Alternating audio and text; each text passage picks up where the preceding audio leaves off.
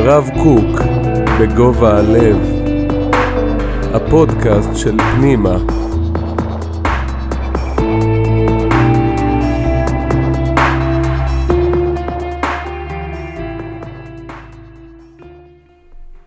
אהלן אנשים, מוזמנים להיכנס פנימה, לשמור מרחק כמובן. קורונה, עידן חדש, היסטורי. ככה אומרים. ונדמה שאחת התחושות שמתלוות לכל התופעה הזאת זה החוויה שכולנו ביחד. כל אפצ'י קובע. כל איזה שיעול ממשיך לגלגל את המגפה. וכל אדם וכל תנועה שלו וכל פעולה שלו יוצרת איזה אפקט עולמי. האם המגפה תמשיך להתפשט? לאיזה מדינה זה יגיע? איך זה יקרין על כל העולם? ולא קשה ממש לדמיין דמיונות שפעם נראו לנו כדמיונות אולי הזויים או מיסטיים, לראות ממש את כל העולם כמו איזה גוף אחד, וכל אדם הוא איזה רקמה בתוך הגוף הזה, מלא מלא איברים, וכשיש זיהום באיבר אחד, אז uh, צריך לבדוק שהזיהום הזה לא מתפשט ולא עובר לאיברים אחרים, וכולנו בתוך איזה רקמה אנושית אחת חיה, כמו שאומר השיר. זו תחושה מוזרה, כי הרבה שנים לא הרגשנו ככה. העולם המערבי רץ כבר הרבה מאוד זמן במרוץ האינדיבידואליסטי, מימוש עצמי, כל אחד עף על החיים שלו, כל אחד מממש את המאוויים שלו, כל אחד יש את הסיפור שלו, אני עצמאי, אני מסתדר לבד, אני אוטונומי, אני יכול הכל. אין עוד מלבדי. והאינדיבידואליזם ללא ספק פיתח הרבה מאוד יכולות והרבה מאוד הקשבה עצמית, אבל הוא גם סוג של אה, אטימות. כי כשאדם יותר מדי בתוך איזו בועה מנותקת, אז זה מקרין על הכל. אז הוא הרבה פעמים לא סופר אנשים אחרים, והרבה פעמים הוא לא שם לב בכלל לדברים שקורים סביבו, ואולי יותר מזה, הוא גם מתכחש לחיים ולחוכמה ולהשראה שהוא מקבל כל הזמן מהסביבה שלו. אף אחד מאיתנו לא חשב על הכל לבד, ואף אחד מאיתנו לא פיתח ויצר את כל מה שיש לו בחיים לבד, לבד, עם איזה כפפות סטריליות. החיים האמיתיים הם משותפים. אנחנו חלק מ... זאת האמת. בדיוק כמו שעץ ביער לא גדל לבד. יש יער שצמח, והעץ היה חלק מזה. זה לא מבטל את זה שהוא עץ מיוחד, עם פירות שלו, עם פרחים שלו, אבל הוא חלק מהיער. ובלי החוויה המשותפת, הוא לא היה בכלל.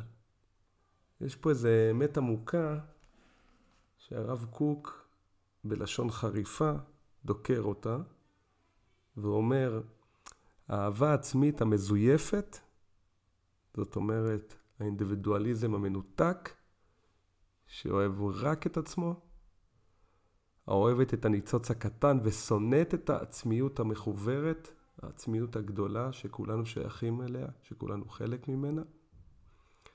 הרי היא סמיות עיניים, זה עיוורון. וזה עיוורון שפוגע בנו ביום יום, כל הזמן. כמה גאווה נוצרת וכמה קנאה וכמה תחרות, וכמה שנאה. זה תולדה של החוויה הזאת שאני קיים לבד.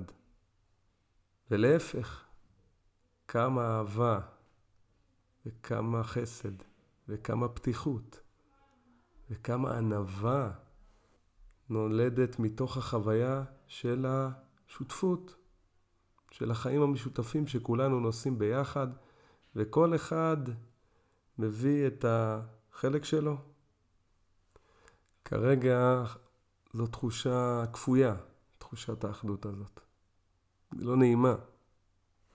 מפיצים מגפה. אבל אה, אם ירצה השם, כשהמגפה תחלוף כמה שיותר מהר, אז אולי נוכל להרוויח מהסקיצה הזאת איזה תודעה של אחדות בריאה, של אינדיבידואליזם רך, של ענווה. כי ענווה זה לא מחיקה, זה כבר למדנו. המשטרים הגדולים שמחקו אנשים, זה הדבר הנורא מכל. אבל ענווה בריאה זה חלק מ... אני חלק מ... אני מביא את האור שלי במלאות, בידיעה שאני חלק מ... אני נכנס לחדר, יש בו עשרה אנשים, אז אני עשירית מהחדר. בעשירית הזה, הזאת, אני מפיץ את כל האור והברכה שאני יכול לתת. ואני יודע שאני עשירית, וזה בסדר גמור. אולי תודעת האחדות שנפתחה לנו עכשיו, בנסיבות לא מוצלחות, אולי יכולה להישאר גם לימים הבריאים שיבואו בהמשך. לרכך את האינדיבידואליזם שבנו, להזכיר בנו כל הזמן עד כמה אנחנו מחוברים, עד כמה אנחנו חיים חיים משותפים. עד כמה לא צריך כל הזמן לחדד ולנכס את מה שלי ולהיות עם אגרוף קמוץ ו- ולשמור על uh, הרכוש שלי והידיעות שלי ואני אמרתי את זה ואת זה אני יצרתי וזכויות יוצרים. קצת לפתוח את הידיים ולשתף ולהכיר שהחיים איזו תנועה משותפת ולא, אין בדיוק שלי.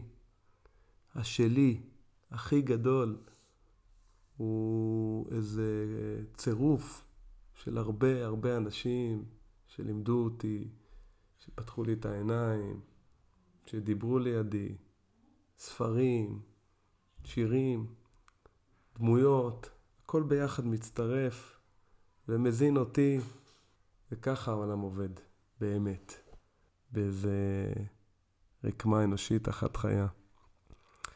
יאללה, הרבה אחדות, הרבה בריאות והרבה הרבה שמחה.